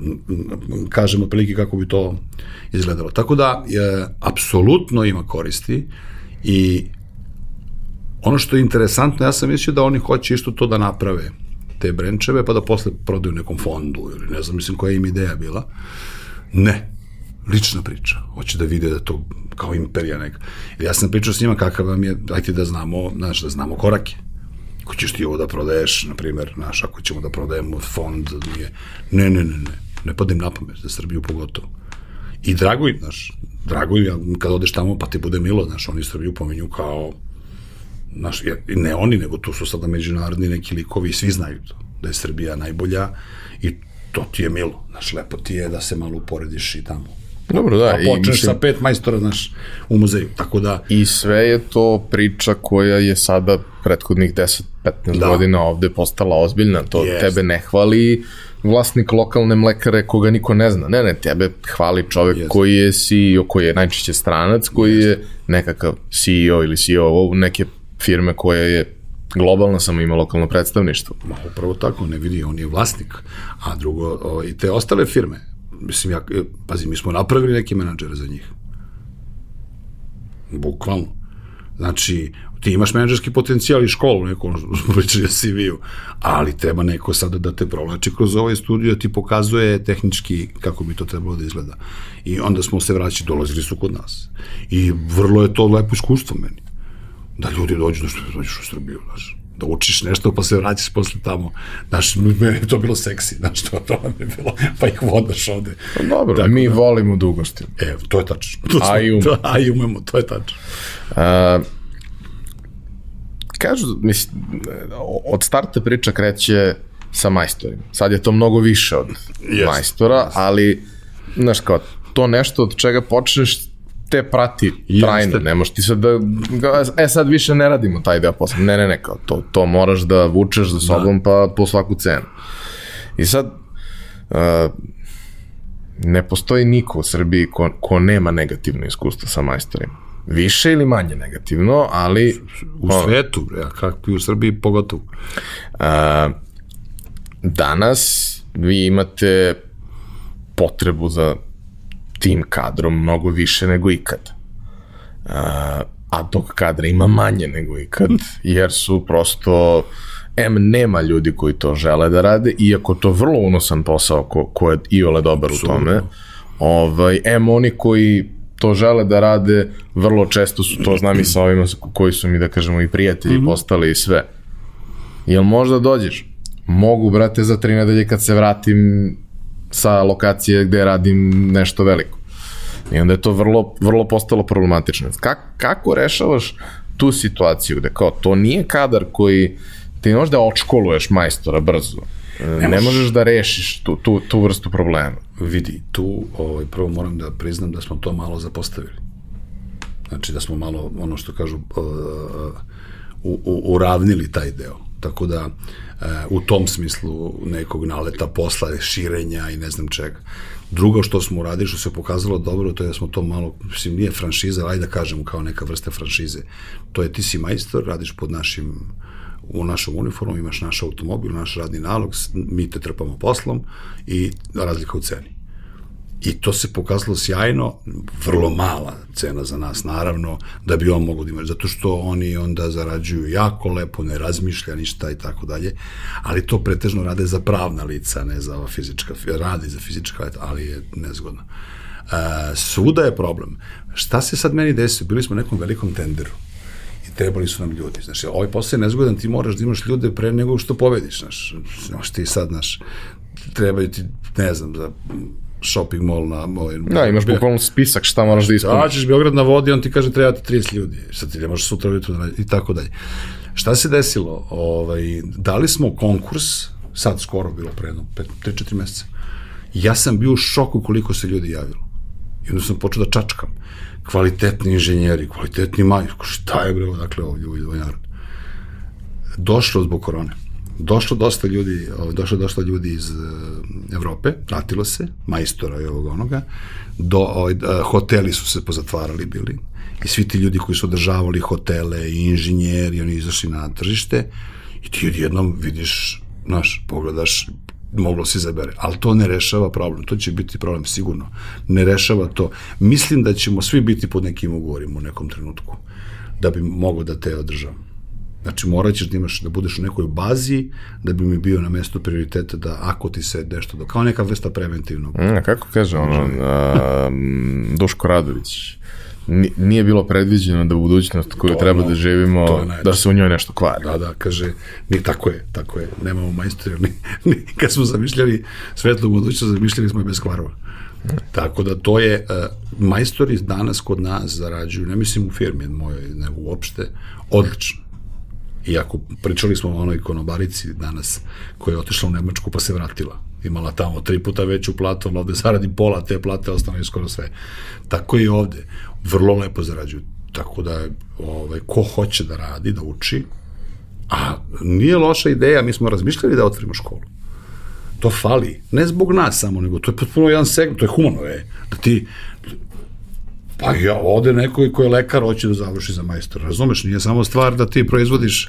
Da ne lajem, ali kad sam renovirao stan kod roditelja, moram da ispričam, znači kad sam renovirao stan kod roditelja, renovirao sam nov stan, pošto je to, toliko je bio dobar da sam ga renovirao nov stan. Toliko je bio nov. Ovaj, ali nije to sad bilo, nije bilo neki veliki radovi, bilo to sad neki, ja lud, mora provučem kablove kroz sve zidove i to već. I sve se to završilo i sad treba fini radovi, ono, interijeristi. I kažu meni, vidi, pošto si ti malo težak i komplikovan, mi ćemo tebi da pošaljemo Čika Johnny-a i njegovog asistenta. Čika Johnny, fini jedan gospodin, 50 godina, a kaže, vidi, on može samo popodne.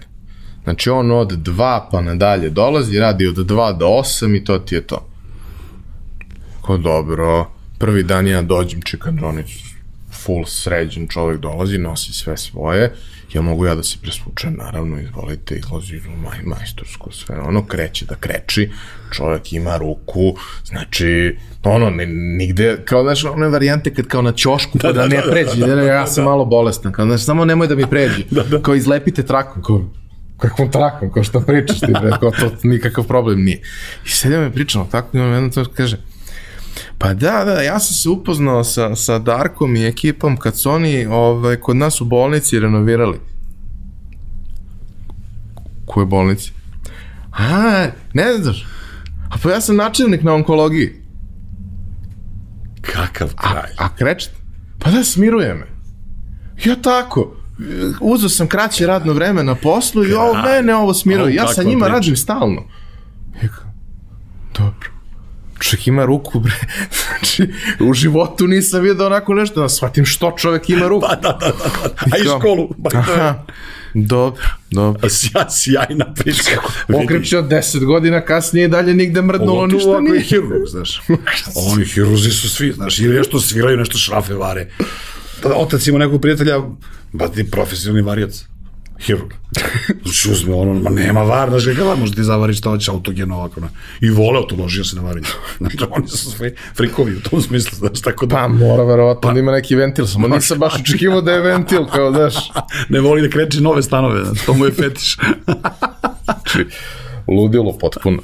A, vaš biznis je takav da, ono, na, ima recimo to tako više anegdota nego što je to uobičajeno. Ja volim da pored svega ostalog što, što, što pričam ovde, što su negde korisne stvari i neka vrsta terapije, ovaj, psihoterapije ljudima koji, koji slušaju. Volim da se dotaknemo i tih nekih ono, potpuno suludih, genijalnih, neverovatnih momenta koji se dešavaju. Ti si mi pričao neki od, od njih, ali uh, kad imaš, kada, kada pokušavaš da postaviš biznis na ispravan način, jedna od najvažnijih stvari koju, koju treba da imaš je customer service koji je na visokom nivou, jer kao sve ostalo, i, i to da se na telefon neko javlja zaista da sve to bude kako treba, onda da ti dođe osoba koja je uredna, brendirana i tako dalje i da to sve bude postavljeno kako treba. Ali kapiram da ti ljudi koji rade customer service, koji se javljaju na telefon, su čuli beskonačno nekih potpuno znači, neverovatnih stvari. Ja sam se šalio na ovom panelu da bi mi uzeli bi veće pare, napišemo, to mislim za taksista, napišeš dnevnik jednog beogradskog taksiste, napišeš dnevnik jednog hausmajstra. Toliko je toga bilo. Evo, mislim, pričali smo malo pre, znači, jave se dve devojke na call centar i kaže, molim vas, kaže, imamo problem. Kakav je problem? Kaže, kad pustimo vodu u kuhinju, ugasi nam se televizor. Sad ovaj čovjek stane, ali, ali nismo mi baš sada japanska firma. I on kaže, sad čekajte, sad ću vas prebacim kod Davida Copperfielda. On, kako? I Ma rekao, neko se zeza, bre, nemoguće. E, to je ona varijanta znači, koju smo svi imali, kao da, komšija gleda kroz prozor kad odeš i ugasi da, namerno. Da, da, da, da. Međutim, posle se postavi, mi posle raspituje se da ima stvarno neki protočni bojler Siemensov, nemam pojma, koji ume da baci na fazu i ume da zezne. Znači, možeš da zamisliš da je da stvarno moguće. Znači, pa smo onda imali, ne znam, e, da stvarno pričam, jer možete da nam isterate slepog miša iz kancelarije? Mislim, kako oni su nas anticipirali, sve možemo, pa što ne bi mogli to. I sad kako se isteruje slepe miš, nemamo pojma, mi zovemo zološki vrto i kažu, kaže, pa uzmete, kaže, ovaj, čašav, mokri čašav, i onda se mokri čašavom. Ali naravno, slepi miš je otišao, možda bi rešili Wuhan, znači, da smo, da smo imali to know-how za, pa, mi, mislim, vidi, milion nekih stvari, da ne pričam da smo imali interesantne ljubavne priče isto, ovaj, pa je to bilo, to je bilo strogo zabranjeno, laj ti zabrani ljubav ako možeš i tako dalje i tako dalje. Tako da taj deo je bio najteži, taj kontroling njihov, mladi ljudi, zdravi, lepi, kolutke, tako da uopšte ovaj, to s call centrom Evo ima, evo, evo da nešto pričamo o srpskoj priči. Mi kad je počelo da se radi, recimo oni su bili obavezi da se odjave, i imali smo bazu to su ljudi bili u šoku da, da vlasnik stana ili taj čovjek koji je zvao za intervenciju da da kratak komentar. I imali smo tačno pitanja, call center kaže molim da li je bio tačan, da li ste zadovoljni, ona klikće tamo i to dg, dg, dg. I ovaj, I sad između ostalo, to su sve bili, ma neverovatno, ma mi smo, pa samo pitanje je malo triki, jel već, već unatreć, da kažeš da sugestivno da, da, da je bilo lepo, niko te nikad ništa nije pitao, tako da, i tako da, i tako. E onda se pojavila, fiskalni računi su se pojavili i on kada je bio Dinkić i onda ovaj, i to je nama pravio veliki problem zato što smo mi morali da imamo milion fiskalnih kas, tako su nam tumačili mm. zakon. Međutim, i to nije bilo tačno, nego to je bio interregnum. Ja napišem ministarstvo financija upit i kažem, molim vas, kako mi da rešimo naš problem? Da li, ne znam, mi imamo predlog da mi fiskalizujemo sve to u firmi. I vi proveravate, ima radni nalog, ti dobiješ radni nalog kopiju, ovaj se vrati s radnim nalogom, fiskalizuje, stavi ono tamo i tu stoji, pazari se predaju i sve tako dalje. I ništa, ide to tako, ide to tako sve. Kada ulazi nam neka inspekcija namoće? Dobar dan, dobar dan. Kaže, aha, fiskalizacija, ovo, ja kažem, dobro, izvolite, šta je problem? Evo sve fiskal, kaže, dajte mi od ovog računa fiskalni račun, mi kažemo, evo, jeste li u trenutka davanja usluge, vi morate tada da date, dobro, ajde da vidimo šta i kako. A ko je to vama, ne razumem, ko je problem, pa evo vidite sve, mi odemo u bazu, znači Srbija, brale, mi u bazu čovjek ovako kaže, ja sam u šoku, ja sam živio u Švajcarskoj, ja ovakav servis u svom životu nisam video. Divni momci, čisti, pa ovo je fe, ja ću da la la la la, ja čitam ono suzem od smeha, la la, i onda nas prijavi da je bio za 100 dinara, Dinkić je dao 100 dinara valjda za fiskalni račun, i to bez veze, znači dobio čovjek sve. I ovaj kaže, ja se stvarno izvinjam ovaj inspektor, ja mislim, ali Srbija, znači hrabar i za, i za ono, i za, i za odluke, tako da, ono, ali A vidi, mi smo imali onaj jedan period, to, to mi je bilo fascinantno, ja sam tad tek počinjao da radim i sad kao, znaš, u, u, krećeš da istražuješ, usvajaš te neke stvari, imaš ljude sa kojima se savjetuješ, koji su ti prijatelji, koji su iskusniji i sve i kao, kad nisi siguran, tražiš mišljenje ministarstva. Dobro. To traje ne znam koliko i košta ne znam koliko. Dobro. I šta radim kad dobijem mišljenje? Ništa, imaš mišljenje. Ha, je to garancija da će sve da bude okej? Okay? Nije. Tako je, tako je. A što ga imam onda? Pa kad ga imaš, onda neće u principu da bude problem. Pa da, Bukvalno. da, ako neko hoće da me, Pa može. kao može. Isto, isto. Jedno ne znam, par godina kad bilo je to kao imaš mišljenje ministarstva koje nije obavezujuće. Pa što je mišljenje onda? Apsolutno. E onda pa su kao uveli da, da nije obavezujuće, može da te tuži neko, ali poreska ne može da ti... To. Pore, e, pa reko, dobro, ajde bar nešto. Znaš, Jeste to, to jeste apsurd bio. A ja sam to naučio od ovog eh, Zev Kadar, Vuk na hebrejskom, od ovog jevrenja. To isto je bio vakum neki zbog tih privatnih penzija. i Onda su tražili mišljenje. Ma imaš dve opcije, ti prvo uopšte ne odgovore pošto ne znaju. Ne znam, nego tako, sad ti si kao poslao, sad ti kao imaš upit da si teo da pitaš neko da ti nešto kaže, a imaš to što stigne na kraju mišljenje i ako ti ide na ruku ne moraš, isto priča, što si rekao. Znači, apsolutno nije obavezujuće. Tako da to je, ne znam i što ti služi, pravo da ti kažem, ali ajde kao da si se trudio da pokažeš da si, da si ti. Ja kažem ome, kad smo pričali s tim nekim ekonomistom tamo iz ministarstva, ja kažem, pa čoveče, kako će on da, da pušuje kanalizaciju, da kuca ono, onaj fiskalni, to nema nigde na svetu, bre, na kugli zemaljskoj.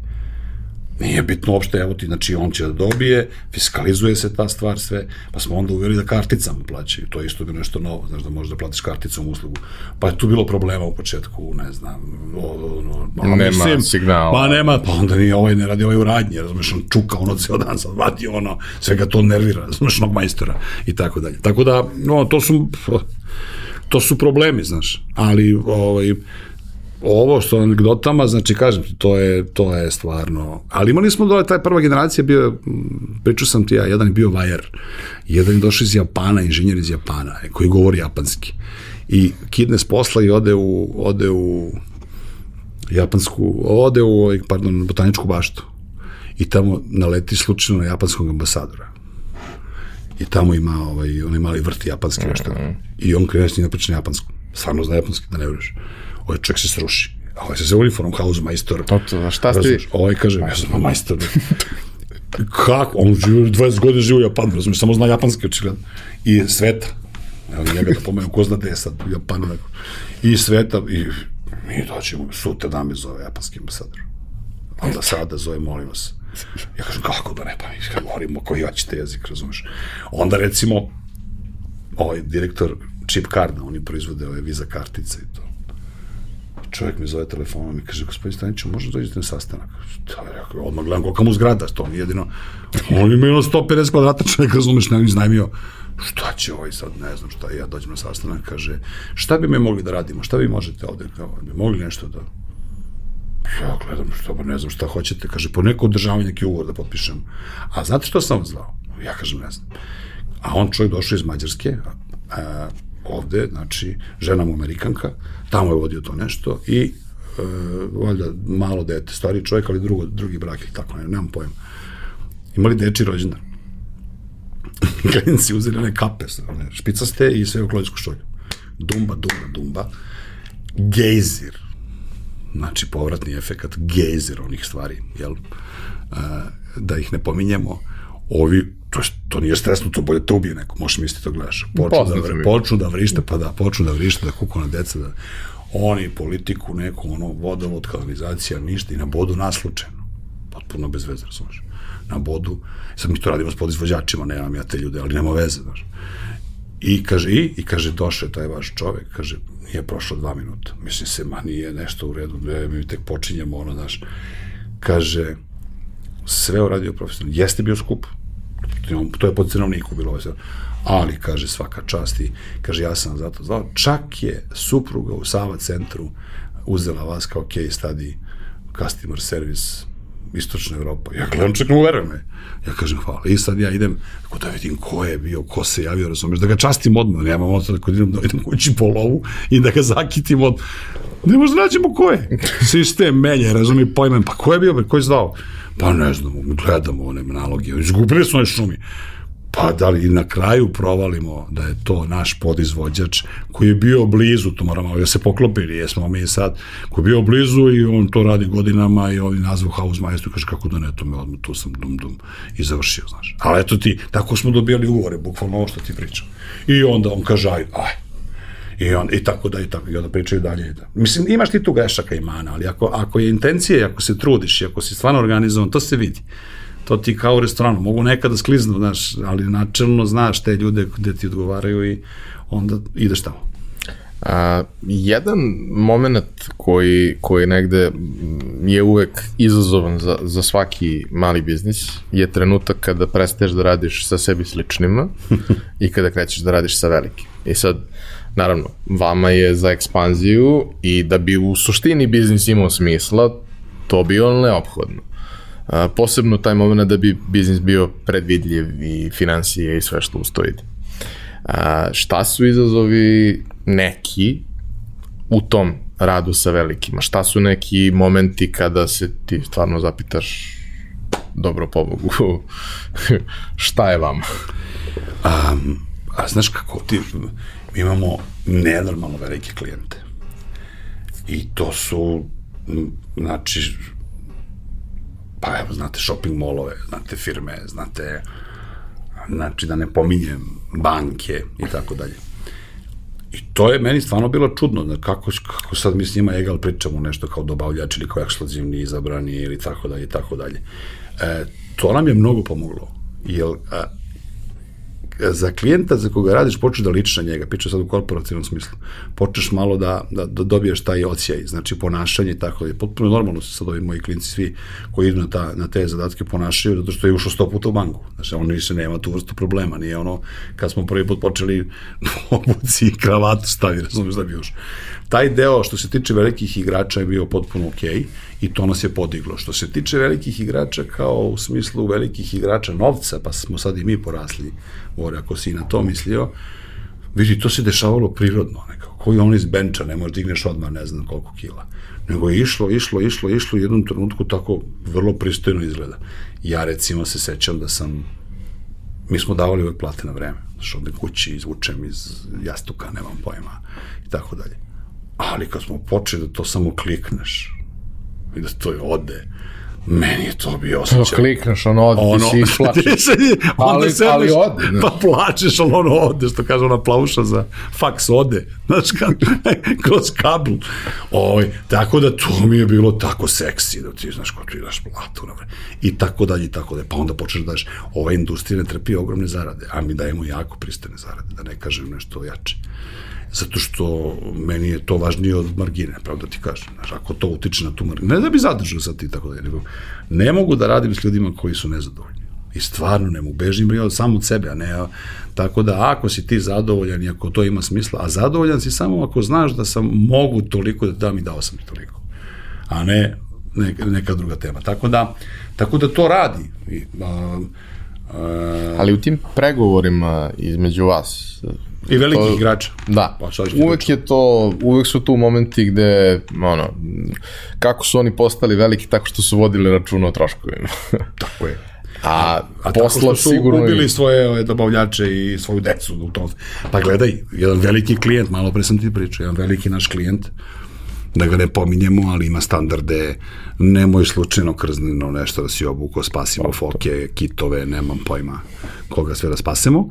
I ti dobiješ tekst na jedno 800 strana sa tim stvarima. Pa onda te zovu uh, da slušaš predavanje oko toga, pa Bio vode računa strašno, da, strašno računa o, o životnoj sredini, o, o, o dečici, o, a onda ti maznu podizvođača kradu ti, znači, podizvođača, odu ispregovaraju s njim iza leđa, da ne pominjem njega, ali to je već srpski rezon, nego pričam o ovima što kao postavljaju nove korporativne stane. Sve ispregovaraju, im da naravno manju cenu, oni uslove, to, i naravno, onda, i ja sam taj ugovor pocepao.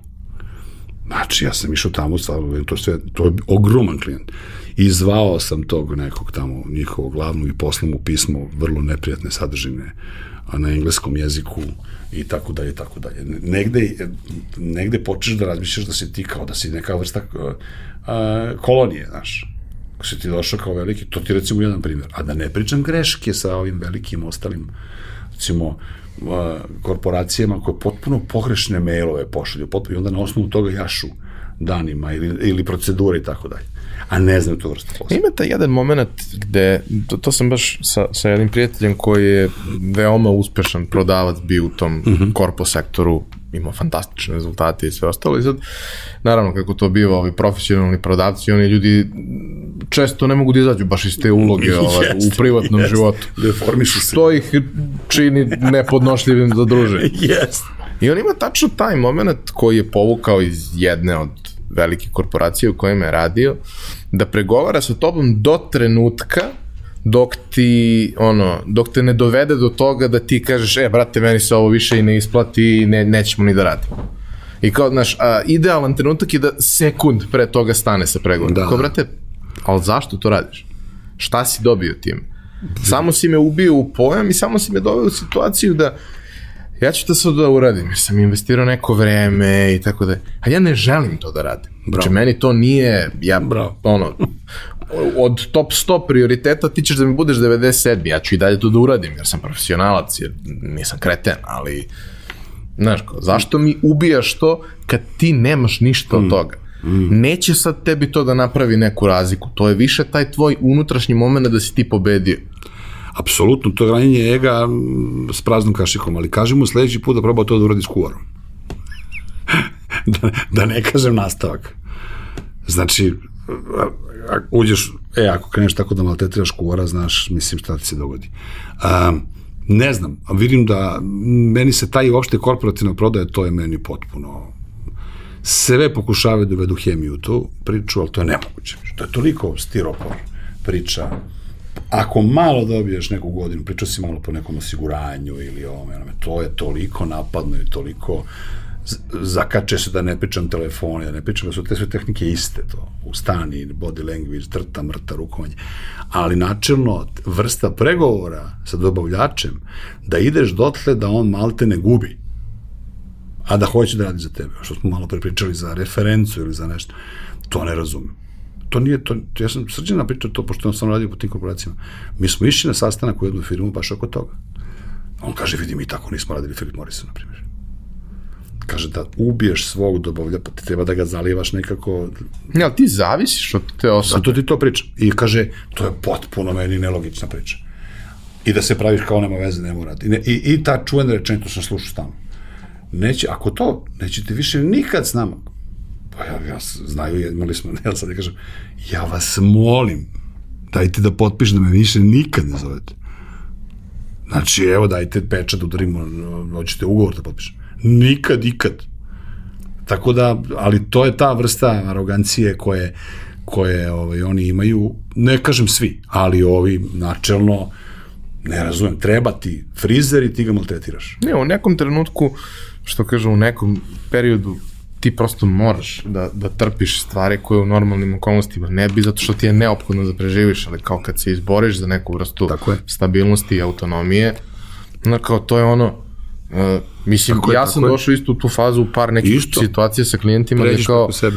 um, bila je korona, sve ok, prihvatali su se neki poslovi, sad su se stvari malo, malo Da. stabilizovale i to sve, ali malo sam i ja došao do 36 godina. I pa ne, ali mislim nećete raditi sa nama. Dobro, nećemo. Nećete vi raditi s nama. Pa naći ćemo mi nekog drugog. Nećete. Da. Ne, ne, naći ćemo. Nećete. Da, da, da, da. Znam koga možete da Tako je, angažujete, tako je. nije nikakav problem, angažujte, nećete dobiti to po šta ste došli ovde. Možda ste vi i onim zadovoljni, to je sve okej. Samo nismo ono, bez oružja jedna i druga strana. Ne možete Tako vi je. da budete uvek prema svima buli. Tako je, tako je, Znači, tako je. jednostavno, taj odnos treba da bude pozitivan za obe strane. Pa ti vidiš, bre, čim otvoriš vrata kod nekog. Znaš, firme liči na ljude, bre. Ti vidiš odmah da li je neko krenuo da te pobedi. Zvao te, mu trebaš, a on hoće te pobedi. Da te nekako nad, nadgornja, što bi rekli seljaci. Ne razumem ideju što to radiš. Koji ti to poriv? Znači, cene, sve to su neke stvari, a i to znaš, pa se mi se više šta, više svi znamo sve cene i tako da sad, da li bi možda se pominje malo pre 1%. Znaš, posle 300 sati imamo, evo ti 1%, ne razumem. Ali ovaj deo je, ovaj deo je pogotovo što, recimo, u mom, poslu ima veliki broj plata. Direktno si vezan, ti imaš broj ljudi koje si prodao. Prodao si njihovo radno vreme i ti, ako ti on tu iseče, ti nemaš, oni recimo ne razumeju godišnji odmor. uopšte. Kažem, ljudi, vi znate da neko mora da ode na godišnji odmor. Da, ali on uzme pod izvođača da ne bi imao Upravo ti to pričam. Upravo to. Ne, ne, ali kad on meni kaže zašto mi je ova cena, to se tako je od vozača da ne bi nego ja kažem pa ja mu poštujem cene za ljude i onda si ni tome imaš neke naš stvari koje množiš što je lako izračunati, ali imaš godišnji odmor, imaš mislim, imaš rizik da neko ne može, moraš da ga zameni, nije to bre šaf. Redundans. da, si jes. Tako da. Dosta je to, dosta je to Da, da. Ono, izabereš model koji ti odgovara, ali se trudiš da ne gledaš ništa od tog modela što se tebi ne sviđa. Bravo. Bravo. Tačno tako. Tačno tako. Pa ovo što si ti rekao, znači ja prođeš ti kroz faze gde moraš spustiš glavu, što je sve okej, sve je to ljudski, sve to prirodno. Pre- preko ega, preko svega i to je sve u redu. Ali bre, baš da, da, da ceo život me ti maltretiraš, stvarno ne moram više da se maltretiram. Drugo, i porasteš, brate, među vremenu, porasteš, brate, ti i kažeš, čekajte ljudi. Ali nije dobro ako ti nastaviš to da radiš na drugoga. Ali po pravilu ne. Ko je sam pravio nešto i stvarao, ovaj, mnogo mu više verujem nego ko je postavljen. Ne, i tu uvek imaš ono, da u nekom trenutku podvučeš crtu i kažeš, e, ok, ovo su neki poslovi koji postoje, ovo su neke stvari koje se dešavaju, da. Um, jeste ovaj ugovor lep i jeste on meni garantuje neku vrstu stabilnosti, ali ja sam shvatio da mi se ne isplati. Znaš ko, profitabilnost po klijentu, imaš neke divne klijente, imaš neke klijente koji su klijenti iz Upravo to, pakla. upravo I kao, nije samo količina para, nego i niz drugih kriterijuma koje ti moraš da pratiš i vodiš računa o tome. Tačno tako. Tačno tako. Ne možeš sa svakim da radiš. Apsolutno se slažem s tobom. I ne treba to forsirati po svaku cenu. Jako je teško, posebno u vremenu krize, a mislim mi smo u vremenu krize 30 godina, Mi smo od kad doćeš. ovaj, da ti doneseš odluku u kojoj ćeš da kažeš, e, ok, ja sad ovo da, da odseče. Ali, ja znaš kako ja to opisujem, to malo ovako dosta heavy, ali ja imam ta, ta vrsta poređenja. Ja kažem, nema šminkanja gangrene. Gangrena se iseče. Tačno. To je tačno. Pa ne, ali ja neću. Onda umreš. Tačno. I to je to. Nema tu sad, ok, ima, ne znam, možeš probaš jedno, drugo, treće, Jeste, hvala Bogu, jeste. danas ima svašta hiperbarična, ali kad ti doktor kaže, ćao, hoće da nemaš prst ili da te nema.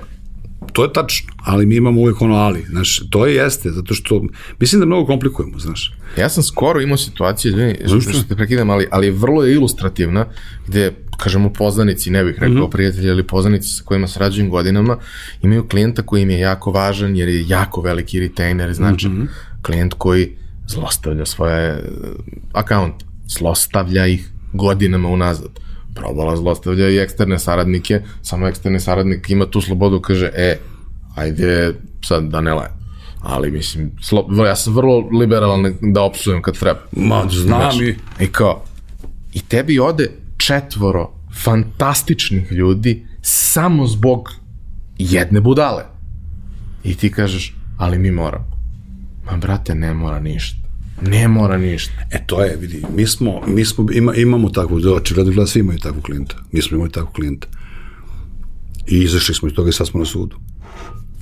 Sad mi tužimo. Mi tužimo. A čovjek, znači, mobbing, sve uredno. A moji pod pritiskom, seci bre to, bre. Znači, upropašće još kada ne mogu spavaju noću. A, a ovi njegovi mucaju tamo što rade kod njega, razumeš? Znači, totalno, znači, čovjek koji se rani tuđom srećom, mislim, ne znam kako da, da ga nazovem. I, ovaj, I ja sam za to. Seci, seci. Nema veze koliko si dugo radio, šta si radio, mi smo godinama radili. Bum, čao.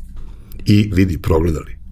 I ima Progledali. taj moment, koliko god to glupo zvučalo, ovaj, ali imaš te, taj, taj neki profil, jevi ga kad si bivši sportista, kad si bivši navijač, ozbiljan i tako dalje, ti skapiraš da postoji jedan vrlo e, značajan procenat tih sileđija, koji su sileđije samo dok prvi put kažeš alo, ne može. Tako, tako, tako, tako. Kad kažeš ne može, To je tačno. postaje najdivnija osoba na svetu. To je tačno. Jer on je navikao na, na to, on je navikao da jeste. gazi, gazi, gazi. Prvi Nikad put kad naleti stop. na tvrdo, Jeste. On počne da te poštuje. Jeste, jeste. Ali ja uvek kažem u tim situacijama, to, mnogo glupo, i to mi se dešavalo, ne znam, i na ono, osiguranje, privatno, zdravstveno i slično. Znaš, dok ne kreneš da pizdiš, Jeste. a ne može ništa, onda popizdiš, e, pa, pa može ipak, mislim, ipak vam pokriva policija. A je, moramo ovako. A što radimo? Ali sve u Srbiji je tako, čoveče. Ja isto je tako, znači, što moram ovo sve ovako da te pritisnem, da... I, znaš kad ti kažu, pa lako je tebi i ti ćeš da odeš, pa ćeš da mu kažeš. Ili ja nisam takav. Znaš, on, ispadaš ko baba roga, nekako ne traži svoja prava, znaš, što mi taksi nije došao na vreme ili ne znam zašto mi ovaj zakasnim stojim. Znaš, potpuno, 100% si u pravu. I na kraju bude sve ono što si pitao normalno kao pa dobro, pa šta, što smo se raspravljali. Ko što kad odeš u banku, šta god da pitaš ne može. Odmah ne A, može. jel, a, jel, a da možda ipak, ne ne ne može. A jel ima neko, jel ima neko stariji sine? Ima. Pa jel bi moglo da mi popričamo? Pa dobro, možda i može. Aha, a jel možda može ili stvarno može? Pa da pitam ja. E, može izgleda. A što je prvo odgovor ne može? Ba, uče i tako bre. Pa dobro, lakše je. Lakše je, ništa ne znaš, samo uzni, što bi rekli seljaci. Za svaki slučaj ne može. Da, da, da, da, da, da. E, volao bih za, za, za kraj razgovora da te pitam dve stvari. Odvojene, a i spojene suštinski. A to je, a, ti si sad već u nekim zrelim godinama i kod nas to jeste a, redko da se ljudi u godinama u kojima ste ti srđan krenuli u preduzetništvo, što se tad opredele za to, u suštini su to idealne godine jer si taman skupio svoje iskustvo Jest, koje ti treba. jest. Ali sad si ti već neko vreme u tome i to je mašina za mlevenje mesa, kao što svi znamo. Ovaj, e, šta je tvoj lični plan za dalje, a šta je plan firme za dalje? I na koji način te dve stvari korespondiraju jedna s drugom? Sjajno ti pitanje, vidi. Na oba nemam a, a, jasan odgovor, ali da kažem, moj lični plan je da budem u firmi dokle god budem mogao da, kako da kažem, da nešto pomognem. Znači, kad budem video da to nema smisla, nego da samo tamo muvam, nema potrebe više. A što se tiče razvoja firme, za to sam siguran da će da raste i da se izbacuju, sad se već izbacuju novi proizvodi. Vrlo je široka lepeza, znaš, to samo ime ti kaže da to možeš svašta da, da napraviš, da nalepiš na Hausmeister, možeš da Da uđeš ljudi mnogo problema imaju. U- Upravo to, razumeš. Milion, mislim, ti možeš, kažeš, house my store, mi smo imali ideju, znači možda otvoriš radnje sa rezervnim delovima, pa možeš, ne znam, e, house my store vrtić, pa možeš, ovako karikiram ti malo, jako, jako interesantan bred, može da se vadi šta hoće. A u ovoj našoj industriji sigurno ćemo ići u brokerage, to ćemo da, to još nismo otvorili, to ide zadnje, znaš, zato što ovo je najteže, ići ćemo vrlo verovatno, vrlo brzo i u neko zidanje možda. Znači, u taj neki deo, a koji će da biti kontrolisan, naravno, i strogo, sve, strani investitor, čisto i tako dalje. Ali to su neke stvari koje će biti građanske. I može da se dogodi da otvaramo i školu vezanu za, za majstore i za ovaj property management, koji postoji, već, već su ga potvarali, ali mi kasnimo imaš na svim stranim fakultetima u real estate-u sektorima imaš taj, taj deo, gde oni uče sve o nekretninama i tako dalje i tako dalje. Bojane, hvala ti puno. Hvala tebi što si mi pozvao. A, nadam se da će ova priča biti inspirativna. A, mislim, sve do sad su, su a, našle neki svoj put do publike. Evo ja kažem, slušajte i ono što vam na prvu loptu deluje da vas ne zanima, zato što ćete čuti neke neverovatne stvari koje onda možeš da povežeš negde, jer ako si se već zarazio time, da si preduzetnik, onda uvek nalaziš te neke spojeve koje normalna osoba ne vidi jer je normalna. Ovaj, tako da mislim da je to vrlo značajno i nekako se nadam negde dubinski iznutra da ćemo doći u, ponovo u tu fazu kada će neki mlade ljudi koji dolaze uh, reći da nije sramota biti majstor Tako je. i da su majstori potrebni i da sada, zahvaljujući svemu što se dešavalo, ako se opredeliš za to, to je vrlo lepa karijera, teška, ali lepa karijera u kojoj možeš lepo da živiš i ja želim da ponovo imamo tu situaciju kao što je nekad bilo kad sam bio klinac, čega se sećam, da ti dođe majstor sa kojim dođe njegov sin koji uči zanat i koji nasleđuje to i da to postoji jedna porodična tradicija i, i, i jedna divna priča koja stoji iza svega toga. A mi smo to prilično izgubili u, u prethodnih deseta godina. Mnogo ti hvala ovaj, na podršci, a, nije mala te genije podržava, tako da ovaj, hvala ti najlepše, ja se isto nadam da će ovo pomoći mladim ljudima a, da ne moraju svi da završavaju fakultete i da budu menadžeri, ne znam čega i tako dalje, da se vrate nekim normalnim stvarima koje su stare iljadu godina, recimo jedna od tih je zaista biti majstor, da se ne tresu ako nisu upisali ne znam kakav menadžment i tako dalje, nego nek se ohrabri, nek krenu u ozbiljan posao. Znaš šta, uh, jedan od najlepših trenutaka u mojoj profesionalnoj karijeri je kada je moj danas prijatelj i kolega, a nekada mentor, mada on to baš nije znao, ali to nije sad važno, Lazar Džamić, kada mi je prvi put rekao desi majstor. Znaš, u mojoj glavi, u mom sistemu vrednosti, Jest. to je jako, jako visoka titula. A, a, apsolutno, pa za vrhunskog sportistu neće niko da kaže ne znam šta, nego će kaže kakav majstor. Jak, tako da to je zaista, to je najčešće upotrebljavan na reč kad hoćeš da, da, da nekom staviš do znanja da je zaista vredan. Ukoliko vam se ova epizoda dopala, pogledajte i neku od prethodnih, a možete nas zapratiti na YouTube-u, na audio platformama ili se prijaviti na našu mailing listu, a takođe ukoliko želite možete nas podržati na platformi Buy Me a Coffee, bilo jednokratnom donacijom ili mesečnim pretplatom. Za kraj bih se samo zahvalio još svima koji nas podržavaju, kao i našim prijateljima iz kompanije Epson koji su pomogli realizaciju ove epizode i pozvao vas da kao i do sada sve svoje predloge, sugestije komentare ostavite na za to predviđenim mestima na društvenim mrežama i na YouTube-u, a mi ćemo ih uzeti u obziru u realizaciji narednih epizoda. Vidimo se naredne nedelje.